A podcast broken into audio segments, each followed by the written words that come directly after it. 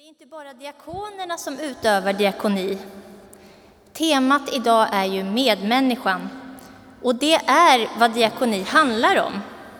Att tjäna våra medmänniskor. Med Jesus som förebild så är alla kristna kallade att visa kärlek mot dem vi möter. I varje människa, vän som fiende, så finns en medmänniska. Som vi förstår så vill ju dagens evangelietext säga oss någonting om hur vi bör vara mot våra medmänniskor. Och på frågan vem som är min nästa, min medmänniska, så svarar Jesus med en liknelse från vardagslivet.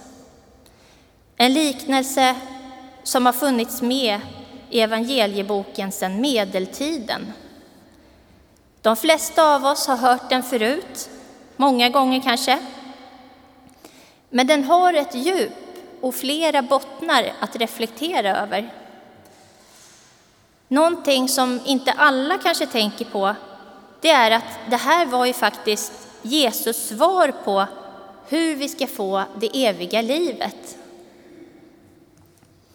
Mellan Jerusalem och Jeriko låg Judaöken och det var ett ödsligt bergslandskap med branta klippor där vägen liksom ringlade sig ner till Jordanslätten som låg mer än tusen meter lägre än Oljeberget.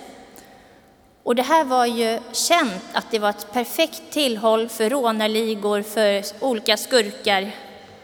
Och det var farligt att färdas där ensam, vilket visades också i berättelsen. Mannen där blev ju rånad och så misshandlad och slagen att han blev liggandes halvdöd vid vägkanten. Den här kristna eliten på den tiden, både prästen och eliten och leviten, de gick förbi. De som ansågs vara fromma och rättfärdiga Kanske hade de väldigt bråttom, så bråttom att de bara snabbt ville ta sig igenom det här farliga området och komma fram till Jerusalem och hålla gudstjänst där. Att stanna till på den här farliga platsen och ta upp den här blodiga mannen som låg där, det skulle ju inte bara vara obehagligt. Det skulle kanske hindra dem i deras tjänst. Kanske var de rädda. Tänk om rövarna var kvar. Bäst att skynda sig förbi. Men Samarien, han som tillhörde ett folk som inte var omtyckt, de ansågs inte vara renläriga. Han kände medlidande och tog hand om mannen. Tänk att han tog den här blodiga, smutsiga mannen som tillhörde ett folk som kanske hade behandlat honom illa på olika sätt. Han tog honom till värdshuset och betalade för honom. Och enligt uppgifter så räckte två denarer på den här tiden ungefär till mat och boende för två veckor. Och ännu mer kunde han tänka sig att betala om det behövdes. Min nästa är de personer som jag möter på livets väg som jag kan göra något för. Det handlar om att älska dem som Gud sänder i min väg. I konkreta handlingar som kan kosta mig både tid, kraft och pengar. Kanske kan det ibland också kosta mig mitt anseende. Mitt rykte, det kan stå på spel när jag hjälper och går i god för någon som kanske har betett sig fel, gjort bort sig på alla sätt och sumpat alla chanser. En som inte anses förtjäna någon hjälp egentligen. Men det finns inga hopplösa fall för Jesus. Och inte en enda går han förbi. Alla människor är skapade till Guds avbild. Därför har varje människa rätt till liv, rätt till skäliga levnadsomständigheter, rätt till mänskliga rättigheter och att få uppleva sig älskad och välkommen. Vi är kallade att älska och att visa omsorg om vår nästa och vår tro prövas i vardagen. Men hur mycket ska jag egentligen göra? Biskopen Bo Giertz, han gör en annan koppling till liknelsen där han menar också att staten är lik värdshusvärden som fick sig anförtrott att ta hand om den slagne. Vårt välfärdssamhälle tar på samma sätt hand om den som är sjuk, svag eller på annat sätt utsatt. Vi ger ju som skattebetalare, vi ger ju vårt bidrag och då säger vi ju också sköt om honom och kostar det mer ska jag betala. Men utöver det så har vi vår plikt som kristna att täcka upp där samhället inte räcker till. Att göra det vi kan för att möta behoven hos dem som kommer i vår väg med en sån nöd som personen genom samhället inte kunde bli hjälpt med. Ibland kan det också vara att vi höjer vår röst och att vi står upp för dem som har blivit orättvist behandlade i samhället. Och vi som har ett hem och mat på bordet, vi kan ju lätt glömma de människor som saknar det som vi tar för givet. Ibland kan vi ha fördomar och tänka att ja, vissa människor, de har väl ändå sig själva att skylla. De har ju tagit dåliga beslut eller ja, de har nog satt sig i situationen själva på grund av hur de lever. Men det är inte vårt uppdrag att döma. Vi vet inte vad en människa har gått igenom, vad som faktiskt har lett fram till den här punkten i livet. Vi behöver alla inse att livet kan ändra sig och ta en helt annan vändning än det vi hade hoppats och planerat för. Sjukdom, olyckor och brustna relationer.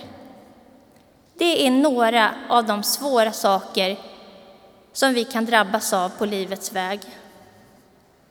Och plötsligt så kan det vara vi som ligger där utslagna på vägen. Jag tänker att vi hela tiden prövas i vår vardag som medmänniskor när vi möter på människor som, som är slagna på olika sätt i behov av vårt stöd och vår hjälp. Hinner jag stanna upp? Hinner jag se min nästa och fråga vad kan jag göra för dig? Eller ser jag alltid att jag har förhinder och tänker att Nej, det är nog någon annan som borde göra det där. Någon annan får väl se. Det står ju att en dag ska vi prövas hur vi har tagit hand om den som var hungrig och törstig, hemlös och naken, sjuk och i fängelse. Allt vad ni har gjort för någon av dessa minsta som är mina bröder det har ni gjort för mig, säger Jesus.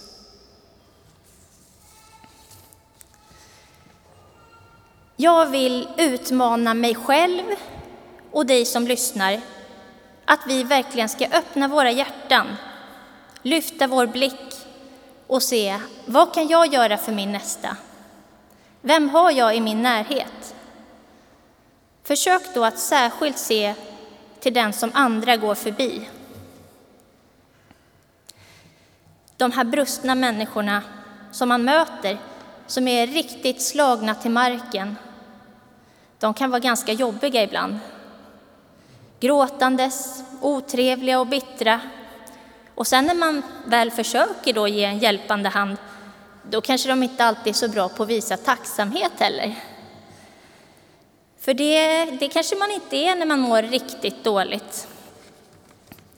Och när jag möter en sån människa, då försöker jag också föreställa mig hur det kan ha varit för dem som fick möta mig när jag kom till Klara kyrka 2005 som 16-åring. Totalt nedbruten, ångestfylld och besviken på livet. Jag kanske inte var så lätt att umgås med. Och det tog ju fyra år för mig innan jag började få ordning på mitt liv. Men tack vare den Jesuskärlek som jag fick möta här i församlingen och att mina vänner här trodde på mig, bad för mig och fanns här för mig som en öppen och välkomnande gemenskap. Tack vare det kunde jag börja och bygga upp ett stabilt liv. Jag fick lära känna Jesus och jag fick hitta glädje och trygghet och sen få växa in i kallelsen till diakon och kan stå här idag.